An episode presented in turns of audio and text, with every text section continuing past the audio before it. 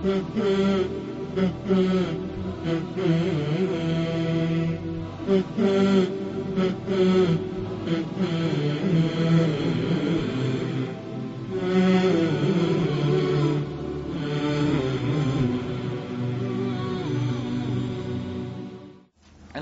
رب العالمين والصلاة والسلام على أشرف الأنبياء والمرسلين نبينا محمد وعلى آله وصحبه أجمعين kada spada obaveznost okretanja prema kibli. Znači, rekli smo da je to uvjet. Onaj ko bi svjesno se okrenuo negdje izvan znači pravca, njegov namaz nije ispravan. Svjesno. Čovjek kaže, znam ja, ovdje je kaba, ali ja hoću da se dole preko Pacifika okrećem, pa je ode vamo dole. Znači, to je greška. Maja. U slučaju putovanja u namazu na fili, u trenutku kada čovjek putuje, tri uvjeta da je čovjek putnik da klanja na filu, ne farz, i da je u toku putovanja. Što znači? Primjera radi, čovjek od nas sada neko vozi se, krenuje prema granci dole prema brodu. I to ide kontra od, od kibli, jer gore je nama pravac kibli od prilike. Može na filu klanjati, ne mora biti ok, ali pod uvjetom da putuje. Onog momenta kad se zaustavi, ne može više ako putuje, ako je u toku kretanja i ako je na fila, može klanjati da se ne okreće prema kibli. Normalno, zato postoje argumenti, ali mi smo rekli da nećemo moći uvijek argumente iznositi zbog skučenosti s vremenom. Druga situacija jeste kad je čovjek onemogućen da se okrene prema kibli. Čovjek imao hiruški zahvati i na krevetu, a bolnica okrenuta prema kucu, a on treba prema kibli da se okrene ne može ustat, ne može ga niko zakrenuti, kaže mu, klanjaj tako kako možeš. Ili eventualno čovjeka su uzeli neprijatelj, svijezali ga i okrenut je u kontrapravcu. On mora klanjati. Klanjaj kako si okrenut. Znači u situaciji kada čovjek ne može se okrenuti prema kibli, taj uvjet pada. I drugi, rekli smo situacija, tu smo malo prije mi spomenuli kao prvi uvjet jeste, ako je u pitanju na fila, na putu i u toku kretanja. Ako se ova tri uvjeta ispuni, čovjek može klanjati ne treba da se okreće prema kibli. Ne može. Na putovanju ne može farz, osim, rekli smo prošli put kada smo govorili, u iznimnim situacijama kada smo rekli čovjek je u autobusu, čovjek je u avionu, ne može, nema mjesta, nema prostora, ističe namasko vrijeme, on mora klanjati. Klanjaj sjedički. I ako treba klanjati, osnovi stojički. Ne može se okrenuti prema kiblja, autobus na našim herovim putavima, sjedi na stolcu i klanjaj. Ali ako autobus pravi pauzu od dvije minute, ti odmah pored šofera, on zaustavi ti na vrata i odmah onda prostriješ i Allah okvir klanjaš stoješki u pravcu kibli. Ali ako autobus neće stat, a namasko vrijeme ti ističi, taj namaz se ne može spojiti sa sljedećim namazom, kao primjer radi Kindija. Sada si u autobusu, pola devet, gotovo. Samo što akšam nije nastupio, ti isklanjuje kindiju. Autobus okrenut ide prema krajini, skroz kontra kibli. Allahu ekber, na stolci klanjaš. Zato što namaz ne smije se dozvoliti da prođe namasku vrijeme.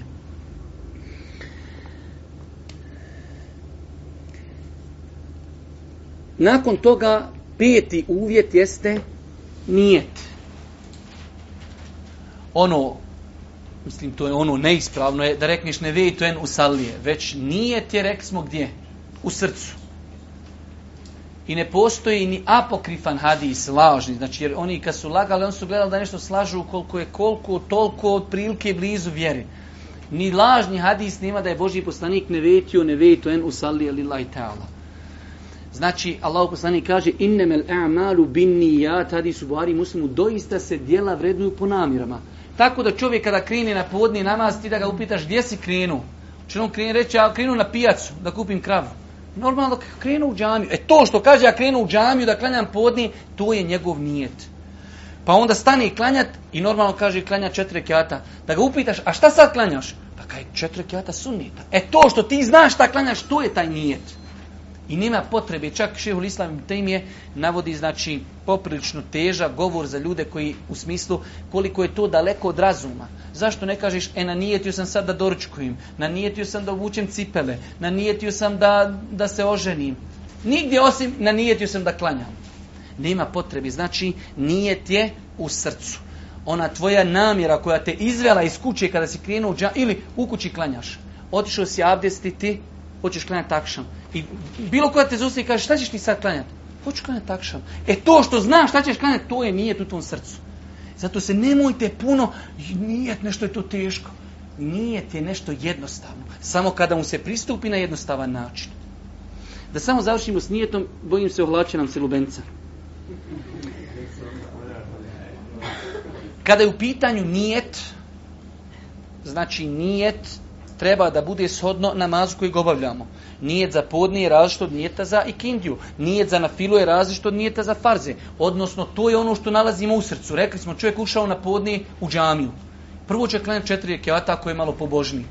Pitaš ti šta to ti klanjaš? Pa klanjam četiri rekiata sunnita prije podni namaza.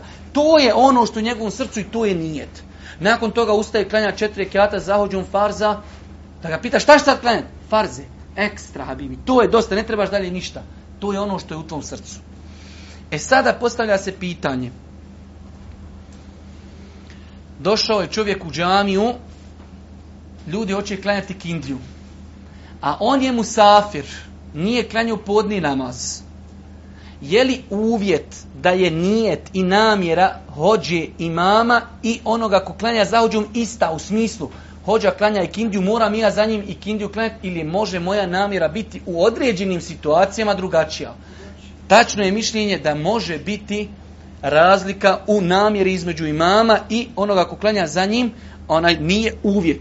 Normalno ti ako si, znači da kažemo, e, stanovnik tog sela i dolaziš normalno u džamiju, da će tvoj na, nijet biti kao nijet imama. Ali se mogu desiti opcije, evo kao i ova opcija došao si na teravih namaz.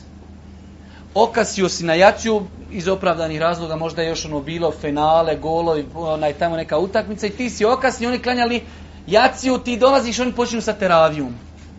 Teravija se kod nas, fala Allahu, je to klanja kao jacija identično. Četiri rekiata, dva pa tehijatu, pa dva i selam se predaje. Možeš li ti, ono tamo u zadnjem neđe safu, zahođom, Allahu ekber, on klanja teraviju, a ti nije tiš jaciju. Može li? Pazi, a ovaj nije ti na filu, a u tebe farz. U, to je žestoko. On na filu nije ti. A pošto je taravija na fila, a ti farz. Hajde je obrnuto. On farz ti na filu, ti si niža deređa. Ali on stari od tebe. Jer njego, odnosno ti stari od njega, on tvoj hođa. Ispravno je inšala da mogu sve tri opcije. Da hođa nije ti farz, a ti na filu. Da hođa nije ti na filu, a ti farz i ona ista da bude ihođa na filu, i ti na filu ihođa farz, ihođa farz. Četiri opcije. Sve su šarijatom dozvoljene i za sve četiri postoje dokazi. Ako klanja dva, kad on rekne sela malik, sela malik, ti ustaneš još naklanjaš dva. Eto. Svidio kako za sve postoji rješenje. Znači, pišite ili zapamte, ali bojim se da ništa zapamte. Jeste danas već puno toga zapamtili. Odnosno, vi ću to zaboraviti kad izavište na vrata. Sve četiri opcije su validne i za sve četiri postoje dokazi. Da hođa klanja na filu i da za njim čovjek klanja na filu. Da hođa klanja farz i da za njim čovjek klanja farz. Da hođa klanja na filu, a ti za njim klanjaš farz. Da hođa klanja farz, a ti klanjaš za njim na filu. Četiri opcije, sve četiri dozvoljene.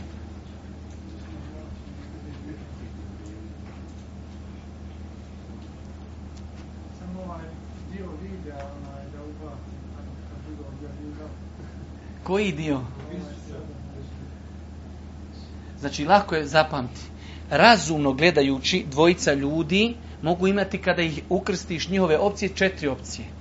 Da hođa klanja farz i ti klanjaš za njim farz. To je dozvoljeno. Da hođa klanja na filu i ti klanjaš za njim na filu. To je dozvoljeno.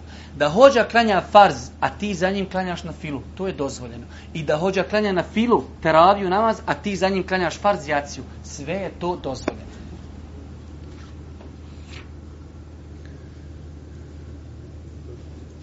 I time smo, ako Bog da, završili uvjete o namazu, kojih je, ako Bog da, kao što ste vidjeli, bilo pet, da bi namaz bio validan, sve pet ovih uvjeta treba da se ispuni. Napadamo na Lubencu. Manikolani,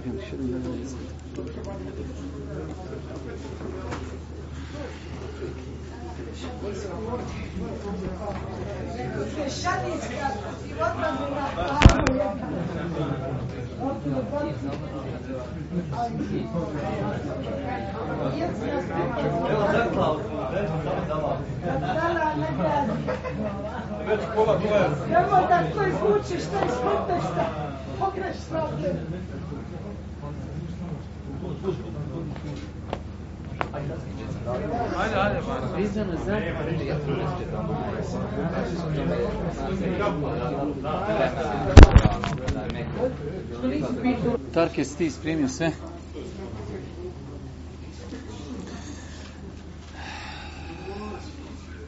الحمد لله رب العالمين والصلاة والسلام على أشرف الأنبياء والمرسلين نبينا محمد وعلى آله وصحبه أجمعين Samo nekoliko prije nego opet krenemo u neke, hajde da kažemo, veoma bitne stvari, nekoliko savjeta, odnosno takozvani adaba, lijepi stvari, prilikom odlaska čovjekovog u džamiju. Lijepo je da čovjek kada ide u džamiju ne žuri i ne trči. Što znači nema plaho ono još jedan penal, još jedno poluvrijeme, pa onda potrči požuri u džamiju da na vrijeme, onaj čovjek kreni na vrijeme kako ne bi žurio jer će se to odrasti posle na njegov namaz. Da čovjek dođe a zadihao se ili ili neki mnogi drugi stvari. Zato je Boži poslanik Ali Salatu Selam kazao kada dolazite u džamiju, zadnja klupa, zadnja upomena. Se petorica možete ići napolje. polje. Kaže, kada dolazite u džamiju i dolazite na namaz, dolazite smireno. Nemojte, znači, žurti, nemojte trčati. Također, lijepo je, a u današnje vrijeme plaho lijepo, da se dođe malo ranije u džamiju. Da se čovjek malo otrgne od interneta, malo od Facebooka, malo od onaj televizije, od serija, filmova, utakmica, kako bi onaj ušao u prvi saf kako bi klanjao tehijetul mesčid, kako bi dovio, kako bi znači e, stigao imama, znači u smislu da sa njim započne od početnog tekbira. Ono standardno, to svi znate, ako Bog da ulazi se u mesčid desnom nogom, do vas za uče, ulazak u mesčid vam je poznata, izlazi se lijevom nogom. Prilikom ulazka u džamiju, malo prije me neko odvraće pitao, klanjanje tehijetul mesčida, pozdrav džamiji, ispravno je mišljenje da se tahijetul mesjid, iako je to mišljenje samo jednog od četiri mezheba, šafijskog mezheba,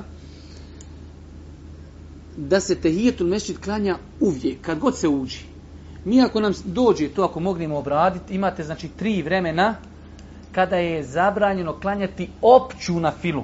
Onako čovjek kaže nešto sam horan, ja bi klanjao u tri vremena nije dozvoljeno klanjati tu na filu. Ali na fila koja ima svoj povod, kao što je tehijetul mesđid, ne potpada pod tu zabranu. Zato mi kažemo, jer Boži poslanik kaže, op, opći hadis, Iza dekale ehadu kumul mesčide fela ježlis hatta yusallije rekatein. Kada neko od vas uđe u džanju, nemoj sjedati do neklanja dva rekiata. Nije rekao, ali ako uđe u zabranjenom vremenu, nemoj. Ne, hadis je općenit kada neko od vas uđe u džamiju, neka ne sjeda dok nekanja dva rekiata. Hadis općenit. U svakom slučaju, znači, inšala biznila ispravno je mišljenje, iako je, znači, razilaženje jako i, hajde da kažemo, oba stava imaju svoje dokaze, ali inšala malo jače mišljenje je da je klanjanje tehijetu mešćida propisano kada god se uđe u džamiju. U smislu kada god u pogledu vremena. Lijepo je da čovjek kada uđe u džamiju da ode u prvi saf. Kod nas čovjek dođe prvi na džumu u 11, taj džuma je u 1 i sjedne kod vrata dole. Još dole klanja i sva džamija ispred njega hoda. Znači, lijepo je da se ode u prvi saf s desne strane. Isto tako, veoma pohvalno, veoma pohvalno, a po jakom mišljenju, rekli smo da je to stavi mama Buharije, Ibn Hazma, Ibn Tejmije i drugi, da je ravnanje safova vađib. Ali ako i ne bi rekli da je vađib, iako je znači po meni to mišljenje ispravno, onda minimalno što možemo reći da je to potvrđeni sunnet poravnati safove. I tu vidimo grešku velikog groja ljudi koji predvode muslimane u namazu, ništa, samo uči kamet Allahu ekber.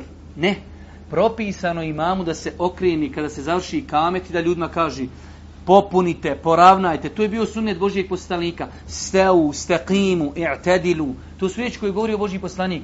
Popunite, poravnajte, stisnite svoje safove. Ti malo naprijed, ti malo nazad.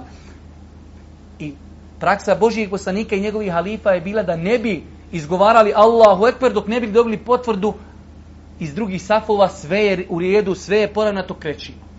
Čak za vrijeme Omera i drugih halifa je bio čovjek koji je zadužen za ravnanje safova. Ja imam kod kuće knjigu koja magistarski rad samo propisi ravnanja safova. Što mislite koliko je pitanja da je magistarski rad čovjek napisao propisi ravnanja safova? Kako poravnati, kada poravnati, kako muškarci, kako žene, prekinuti saf, klanjati sam, klanjati. Mnogo je pitanja vezano za tu tematiku. Ali ovo najbitnije pitanje koje se nas tiče jeste, osnova propisa jeste da je ravnanje safova obavezano.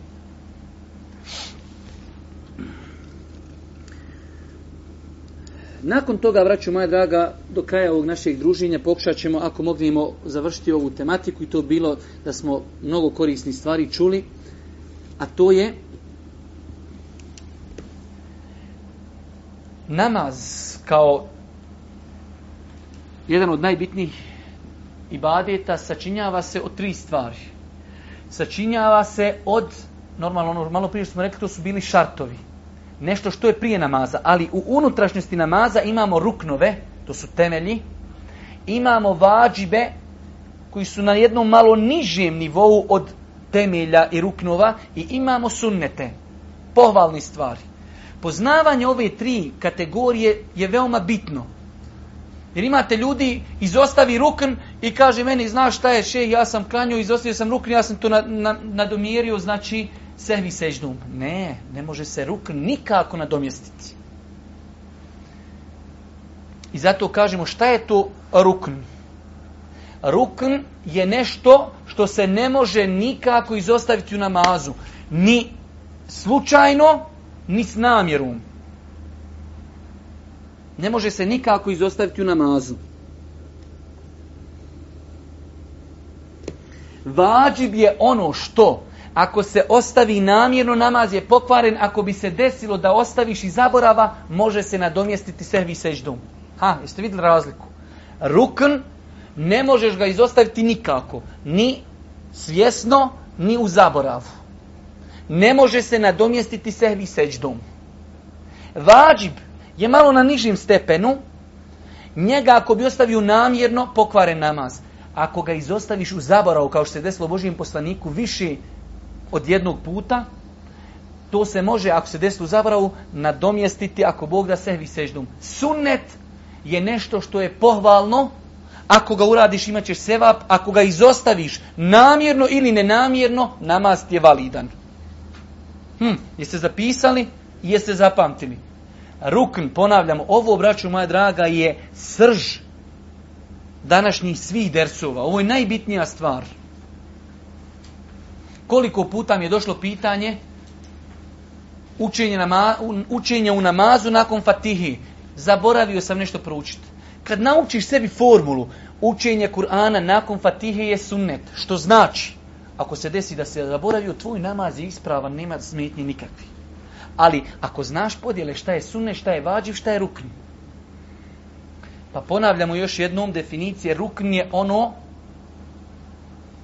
što se ne može izostaviti, ako se izostavi, namaz je pokvaren. Ne može se nadomjestiti sehvi i seždum. Vađib je ono što ako se izostavi, slučajno, ako se izostavi slučajno, zaboravio si, može se nadomjestiti sehvi i seždum, ako izostaviš ga namjerno, namaz pokvaren. I treća kategorija, sunnet. Nešto što je pohvalno, ako ga uradiš, imaš sevap. Ako ga izostaviš, namaz ti je validan. Birhamu kellam. Eh, idemo sada nabrojati te stvari. Ovo su samo bile definicije.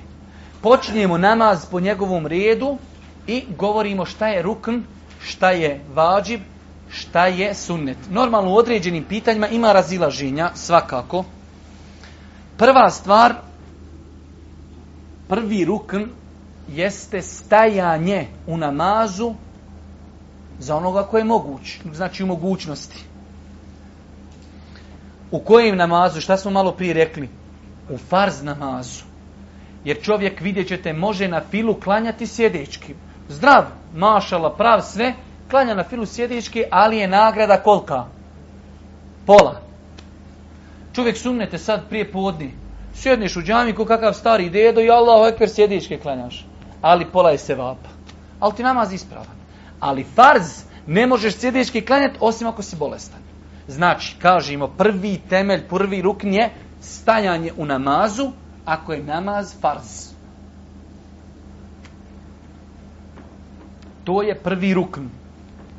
Stajanje u farz namazu. Ako je, rekli smo, na fila u pitanju, može se klanjati sjedički odma, ali onda imamo pola nagrade kao što je došlo u vjerodostojnom hadisu onaj ko bi bio bolestan u farz namazu može sjesti, ako ne može stajati svakako da može. Rekli smo, ne možemo za svaku stvar spominjati dokaze, ali znači, imate dosta argumenta koji potvrđuju da je ova stvar rukn. Allah poslani kaže jednom ashabu, salli ka imen, klanjaj stojički. Ako ne možeš, klanjaj sjednički. Ali mu kaže, sto, klanjaj stojići. Što znači naredbena forma i obaveza. Druga stvar, početni tekbir. I početni tekbir je rukn, temelj namaza. Bez početnog tekbira nema namaza. Znači čovjek da dođe i počne subhaneke Allahume ve bihamdike, njegov namaz je po konsenzusu neispravan. Mora biti početni tekbir. S tim što se ulema razmi, razilazi kako može tek, početni tekbir biti, kakav ali nije prenešeno od Božijeg poslanika ništa osim Allahu Akbar. Trebao si uzeti, kad već pišeš, imamo sveske vamo za zapisivanje. Nema veze, uzmi poslije sebi svesku da možeš prepisati. Ne. Znači, početni tekbir je rukn. I mora biti riječima Allahu Akbar. Ne može biti nikakav drugi onaj termin. Jer nije prenešeno od Božijeg poslanika ništa osim riječ Allahu Akbar. Allahu Akbar.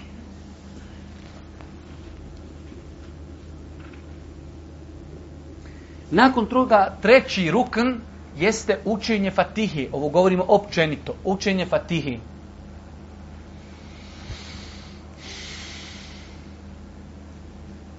Pazite, sad gledajte u mene. Ovo je sad malo škakljivo. Učenje fatihi imamo nekoliko situacija. Namazi u kojima se uči tiho. U njima je obaveza učiti fatihu na svim rekeatima. U namazima Ovo mislim kada je čovjek u džematu, svakako kada si sam, kada klanjaš na svakom rekiatu se mora fatiha učiti, nema oko toga znači polemisanja. Čovjek ako klanja sam, Allahu poslanik kaže la salata illa bi fatihatil kitab. Nema namaza osim namaza u kojem se prouči fatiha. Znači na svakom rekiatu kada klanjaš sam, moraš proučiti fatihu. U džematu smo. Imamo dvije vrste namaza. Imamo namaze u kojima se uči u sebi i namaze u kojima se uči na glas. U namazima kojima se uči u sebi, moraš opet na svakom rekiatu prući Fatihu. Ok, jasno, zapamtili, idemo dalje. Namazi u kojima se uči na glas. Koji su namazi? Saba, Akšam i Jacija. To su znači u Sabaha oba dva rekiata, u Jacije prva dva, u Akšama prva dva, uči se na glas. tu postoji jako razilaženje da li nakon što imam završi učenje fatihe, da li ti kao muktedija koji klanja za imamom mora proučiti fatihu.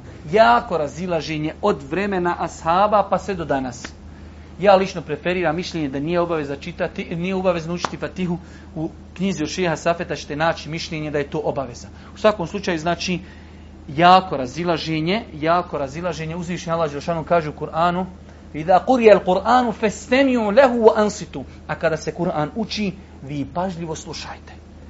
Tako da ja sam stava da se fatiha u namazima, ali samo znači u ovom namazu, kada imam uči na glas. Dok u jaci treći, četiri rekiat obavezno. Na akšamu treći rekiat obaveza.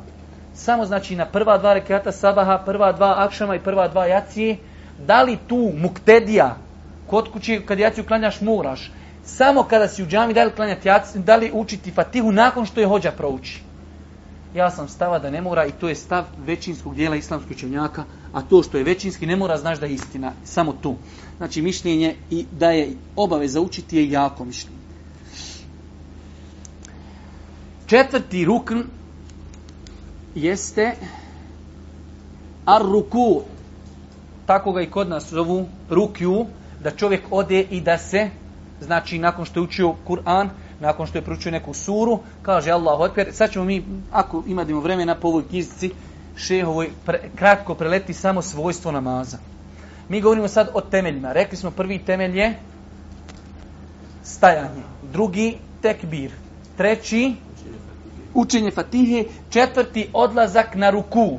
Da se čovjek, znači, po 90 stepeni previje, znači, i da uradi ruku to je temelj.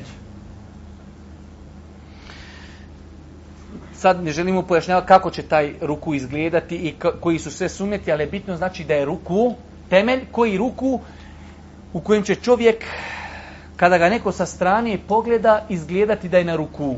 Imate ljudi, narošto u današnje vrijeme, kojim je mrsko gledat, on kad nogom bi sebi krijese postavio i ovako da ne mora ni trepati. Tako on je na ruku, on ode, on, on je ured ispravljen, znači malo pružio rukice samo, Znači čovjek treba toliko da se pogni da onaj koga sa strane gleda da kaže jesto ne na ruku. Peti temelj namaza jeste povratak sa rukua. Povratak sa rukua. Znači, nećemo kao što se nerijetko dešava kod naših ljudi, malo kreni sa rukua se vraćat, bio je, na, bio je prvo u Fatihu, ošao na ruku, I malo sam gore krene, ko avion uspe, i odmah žrrr, i na seždu. Ne. Potpun povratak, potpun. Jer vidjet ćemo sad, jedan od ruknova je smirivanje na ruknovima. Znači, kada smo gore bili na kijamu, učinje fatihi, nakon toga odlazak na ruku, moramo otići na ruku, kao što je rekao Boži poslanik, hata tetme inne rakijan. Ostani na ruku dok se potpuno smiriš. Ne, puf, puf, puf, puf Assalamu alaikum. Ne, odeš na ruku i smiriš se potpuno, izravnaš leđa i kažeš Subhana rabijel azim, Subhana rabijel azim, Subhana rabijel azim, Semi Allahu limen hamide i staneš da ti se kičma ispravi potpuno, izgovoriš zikrove koji se trebaju izgovoriti i nakon toga odlaziš na seždu. Znači ovo vraćanje, potpuno vraćanje je ruknje. Odlazak na seždu i činjenje sežde je također rukn.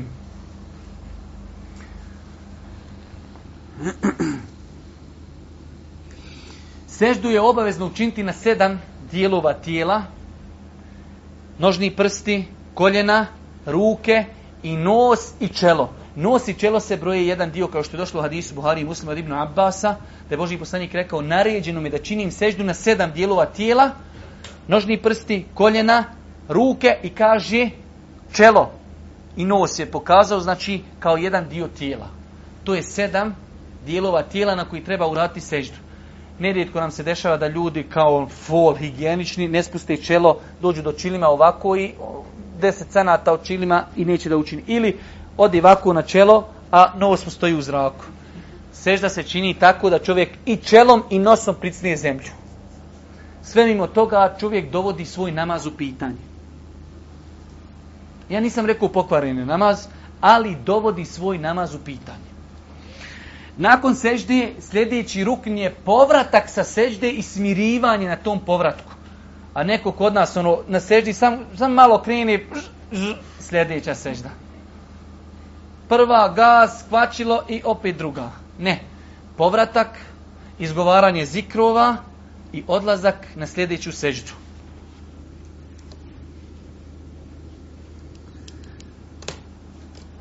Sljedeći rukn, bukvalno mi smo sada jedan rekiat prešli. Sljedeći rukn je smirivanje na svakom ruknu. Smirivanje, potpuno smirivanje. Smirivanje na ruku, smirivanje nakon povratka na ruku, potpuno smirivanje, smirivanje na seždi, smirivanje između dvije sežde, smirivanje na sljedećoj seždi.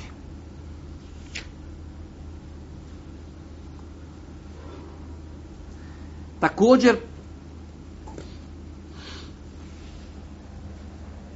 od ruknova po nekim učenjacima jeste tešehud etehijatu, poznato kod nas kao etehijatu.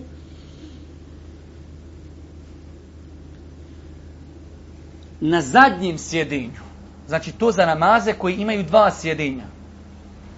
Namazi koji imaju dva sjedinja, zadnje sjedinje obaveza je na njemu proučiti etehijatu. To je ruknu. Dok na prvom sjedinju u namazima koji imaju dva sjedinja, prvo učinje je tehijatu je šta? Vađib. Zašto nije rukn? Zato što jedne prilike Boži poslanik to zaboravio, ustao je odmah na treći i nije se vratio, već je to nadomjestio sehvi sežnom. Zato mi kažemo da je to bio rukn, Boži poslanik bi se morao vratiti. Ne znam da li ste shvatili, ako niste, pogledajte kasetu pa poslije shvatite ponovno. I zadnji rukn jeste predaja selama. Predavanje selama je također sastavni elementarni dio namaza ruknu.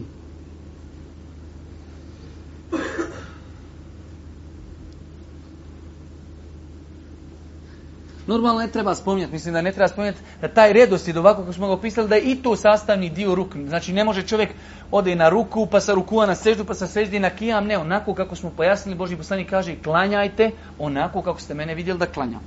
Nakon toga dolazimo, znači rekli smo za ove ruknove, njega čovjek kada bi izostavio namjerno ili nenamjerno, u osnovi, u osnovi mu je namaz pokvaren, ali se može desiti da čovjek ako preskoči neki rukn, da se vrati na taj rukn i da tuda nastavi namaz. Ali generalno gledano, znači, ostavljanje rukna je opasna stvar. Idemo na vađibe u namazu. Vađib je ono šta? Rekli smo što? Ako izostaviš namjerno, namaz ti je pokvaren. Kažeš, pa znaš šta je, žuri mi se malo, ja što malo skratit. Možeš skratiti neke stvari koji su sunneti. Ali vađib ne može skratiti. Ali ako bi se desilo da neki vađib zaboraviš i preskočiš ga, možeš ga nadomjestiti sehvi seždom. Šta su sve vađibi? Iako u pogledu neke vađiba ima razilaženja, ali inša Allah, hajr. Prva stvar, svi tekbiri osim početnog tekbira. Šta smo rekli, početni tekbir je rukn. Ovi drugi tekbiri, Allahu ekber prilikom odlaska na seždu, Allahu ekber nakon povratka sa seždi i tako dalje. Svi tekbiri osim početnog su vađib.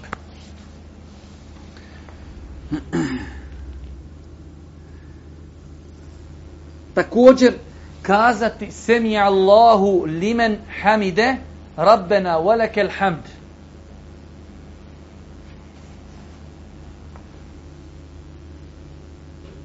je također vađib kazati.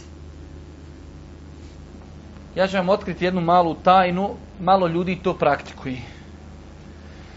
Znači, velik broj ljudi kada je u džematu, kada klanja zahođom, kad hođa, kaže Semi Allahu li men hamide, šta mi reknemo? Rabbena velike alhamd. Bez da to mi kažemo Semi Allahu li men hamide, je tako? Tačno je i ispravno da treba reći Semi Allahu li men hamide. Eto, to zapamtite. Znači, kad klanjamo u džematu, kad hođa rekne semi Allahu li men hamde, ko što kad je hođa reku Allahu ekber, mi kažemo Allahu ekber. On kaže, ode na ruku, Allahu ekber, mi rekli Allahu ekber. Kaže on semi Allahu li men hamide i mi kažemo semi Allahu li men hamide. I onda kažemo u sebi, Rabbena barakel hamd. I, i semi, semi Allahu li men hamide kažemo u sebi. Dobro. Kazati subhane radijel azim na ruku makar jednom je vađib. Kazati subhane radijel e'la makar jednom na seždi.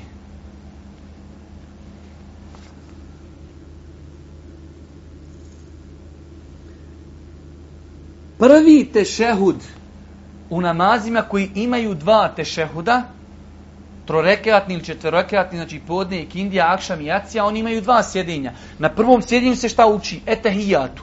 To je tehijatu. Kad bi čovjek klanio dva rekiata i ono razmišlja o nekom sportskom tamo događaju, o koncertu 30.000, koševo, gore, dole. I nakon drugog, on ustane na treći. Gore ustane, o, etehijatu mi ostane. Stoj gore, šuti, nastavi, uradite, uradi sehvi seždu prije selama i to je to. Znači, etahijatu na prvom sjedenju je vađib. Ako bi ga zaboravili, ako smo se već ispravili, nema veze, ostani gore, nastavi klanjat nakon što završiš namaz, prije se lama ćeš sehvi seždu. Što znači, prvo sjedenje, etahijatu na prvom sjedenju je vađib. Ako bi ga zaboravili, nadomjestit ćemo ga sehvi seždom. Također, to je inšala što se tiče što se tiče onaj kako se zove vađiva. Imamo sunnete, sve ostalo, ako Bog da u namazu, su sunneti. Imamo sunnete govorne i imamo sunnete koji? Pokretni ili znači praktični. Bravo Hamza. Da imaš telefon, da ti karticu za pet maraka. Daj, nemoj. Imaš li karticu unutra? Ali samo imaš telefon. I broj. A... Pa, A daj pa pet maraka nima šta ti zaslužiš, stvarno zaslužiš. Daj, pošalj mu gore. Ali daj da ja sebi upucam prvo broj pa da mu dadim taj parkić. Evo neki samo sunneta i onda ćemo preko ove šehove knjige malo preletiti na brzinu i to je to ako Bog da. Znači, sunneti koji su govorni jeste, evo počnimo čovjek kada hoće početi klanjati. Stao je, kaže Allahu Ekber. Allahu Ekber je šta? Rukn. Nakon toga šta idi? Početna dova.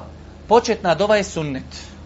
I početnih dova ima više oblika i lijepo je i sunnet je da se uči različiti vidovi tih dova. Da ne bude uvijek samo na pamet. Subhan kalam, pam, pam, pam, pam, pam. E, automatski ga proučiš, ne znaš šta se proučio veo nekad jednu dovu, nekad drugu, nekad treću i tako. Jer su sve prenešene od poslanika i sve su vjerodostojne.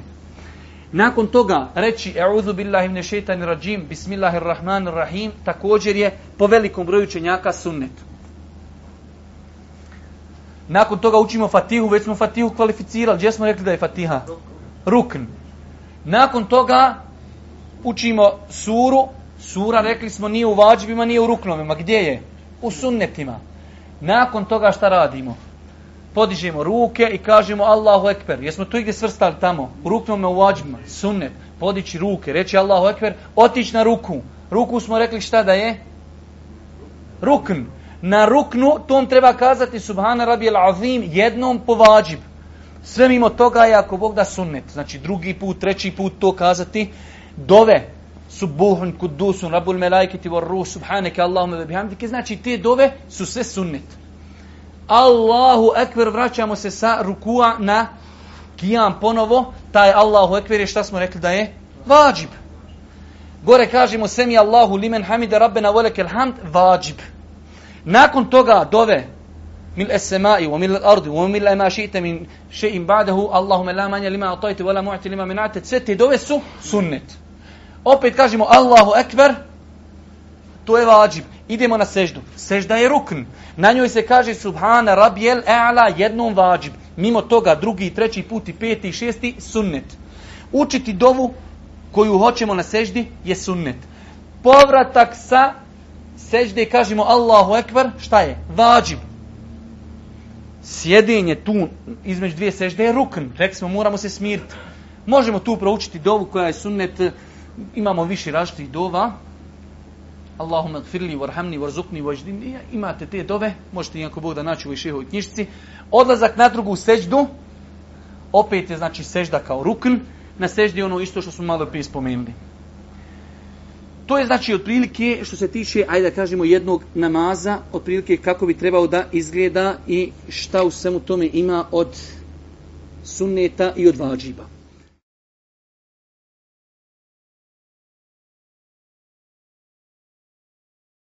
Reci. E, ja sam pročitao hadis da je poslanik Ali Salam samo dizao, e, stoji hadis da je samo digao ruke jednom na početku. A isto tako postoji hadis u Buhari i muslimi da je podizao ruke kada bi podizao ruke na početnom tekbiru, kada bi odlazio na ruku, kada bi se vraćao sa rukua i kada bi ustao na treći rekat. Ovaj pa taj hadis i kad bi rekli da je vjerodostojan, ne može nikako biti na nivou ovog hadisa koji u Buhari i Muslimu, moj ti je savjet malo detaljniji, moraš onaj, uzmi ovu knjigu od Šeha Safeta, pročitaj gdje on naveo e, prvo sa aspekta hadijskog, e, koji od tih hadisa su jači.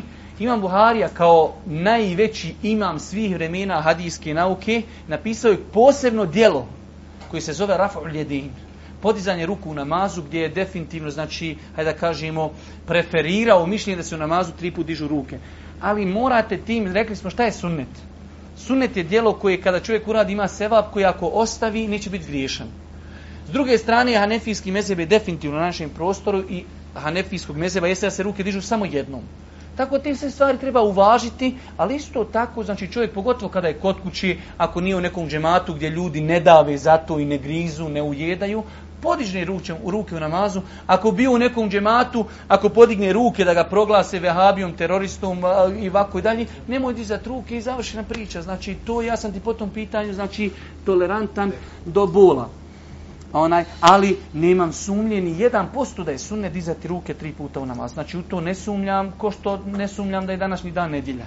Onaj, rekao sam, znači, imaš tamo u ovom šehu, onaj, u ovoj šehovoj knjizi, e, še baš detaljno govori o argumentima koji govori o dizanju ruku, argumentima koji govori o jednom samo dizanju ruku, napravio je komparaciju između tih hadisa, pa inša kad pročitaš vidjet ćeš. Znači, e, micanje prsta na tešehudu sunne također. Postavlja se pitanje kako i kada micati prst. Postoje tri mišljenja. Iako već imamo na YouTube komentare naših zlatnih bošnjaka, kako sve osim hanefijskog je neispravno onaj, jer ovaj naš ders koji smo prvi ovdje održali, već je postavljen na YouTube i već imamo komentare kako je sve osim anefijskog mezheba, kada treba podići samo prst na tešehudu, onaj, da je samo to ispravno. A jedino to mišljenje nema dokaza. Sva ostala mišljenja imaju dokaze. Ali eto. Čega kombinovanje?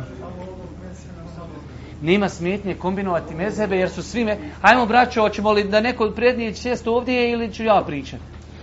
Kombinovanje mezheba nije uopšte upitna stvar zato što su svi imami mezheba rekli kada nađete da je moje mišljenje u kolizi sa hadisom Božih poslanika, moje mišljenje odbijte od zid, uzmite hadis Božih poslanika. Mi smo, hvala Allahu, na nivou i na stepenu da možemo u današnje vrijeme, kada su hadijske zbirke sakupljene, kada imamo mogućnost da uzmemo se četiri mezeva predase, u nekom mišljenju kažemo, zato smo napomenuli prvi ders, Mi ne kažemo ovo mišljenje neispravno, kažemo ovo je malo jači. A zašto da ne praktikujem? Pazite, dizanje ruku u namazu je sunnet. Ali zašto da ja danas, ako klanjam pet puta, i minimalno klanjam samo farze 17 rekiata imam, na svaki 17 rekiata puta 3 puta dizanje ruku, koliko je 17 puta 17 puta 3, 51. Zašto 51 sunne da ja ostavim samo u toku jednog dana? Znači, zato kažem, treba tako pristupiti toj tematici. Znači, samo dizanje ruku, 51 sevab ćete mašiti zbog dizanja ruku u namazu. Zašto da to izostavim? Tako da, znači, onaj, treba toj tematici pristupiti tako da mi poštujemo, nekada uzimamo iz hanefijskog meseba. Evo, danas, za klanjanje tijetru mešćina, šta smo rekli? To je šafijsko mišljenje tu smo odbacili hanefijski, malikijski, hambelijski. Kažemo, to je šafijski mesec, najbliži je tu, zato što je hadis općenit. Kada smo govorili o dali dodirivanje žene i kvari abde, šta smo rekli? Najjače mišljenje hanefijski mesec koji kaže, diraj kako hoćeš, kuda hoćeš, ne kvari ništa abde. Mi tražimo shodno dokazima, postavimo preda se mezhebe i vidimo šta, ko argumentuje, izvagamo njihove argumente i odaberimo jedno mišljenje. U osnovi to je njihova preporuka, oni su nas tome učili kažu pogledajte one naše dokaze i uzmite odakle smo i mi uzimali. To je bila preporuka sa četvorice imama. Tako nemojte se sekirati s tim što kada se radi u stvarima koje su dobrovoljni kao sunneti, ja sam tu uvijek bio tolerantan, normalno sljedeći u tome u lemu našu velike imame današnjih vremena, da čovjek ako dođe u džamiju gdje ljudi ne znaju za izgovor amin nakon fatihe, što je sunnet također, bez imalo sumnje, koji ne znaju za micanje prsta, koji ne znaju za dizanje ruku, u takvom džematu to ne treba prakticirati kako čovjek ne bi bio razlogom da se džemat cijepa. Ali kad odeš u neku džamiju u kojoj se to zna, ili ti kod kuće klanjaš, zašto ja ne bi kod kući dizao ruke i imao seva dizanja ruku? Zašto ne bi rekao amin? Zato što je toliko hadisa u Buhari i muslimu že Boži poslanik kaže kada proučuju te vele dalin recite amin. Boži poslanik izgovaru amin. A sahabi toliko izgovarali amin da se mešći tres od toga i sad ja dođem kajem ja sam još pametniji ja to ne trebam raditi. Trebam, ali ako će nekom je to smetat, pa da on zaboravi i fatihu, i babu, i mamu, i dedu, i njenu, sve zaboravi zbog što sam ja rekao amin, jer u njemu šetan, on ne, raznik, raz, ne razmišlja šta uči, ne zna. I on samo čeka da neko napravi nešto suprotno njegovom. I on onda poludi, adrenalin mu skoči ovdje, nemojte ih ljuti, takve ljude, to su ljudi stari, ostali na mezhebu, taj mezheb ima sve utemeljenje, mi ga praktikujemo, gdje god možemo, podržajemo praktikovanje i završena stvar. Tako da tu treba biti tolerantan, treba biti pametan, te stvari koji su dobrovoljne ne treba da budu razlogom uh, cijepanja džemata. Eto.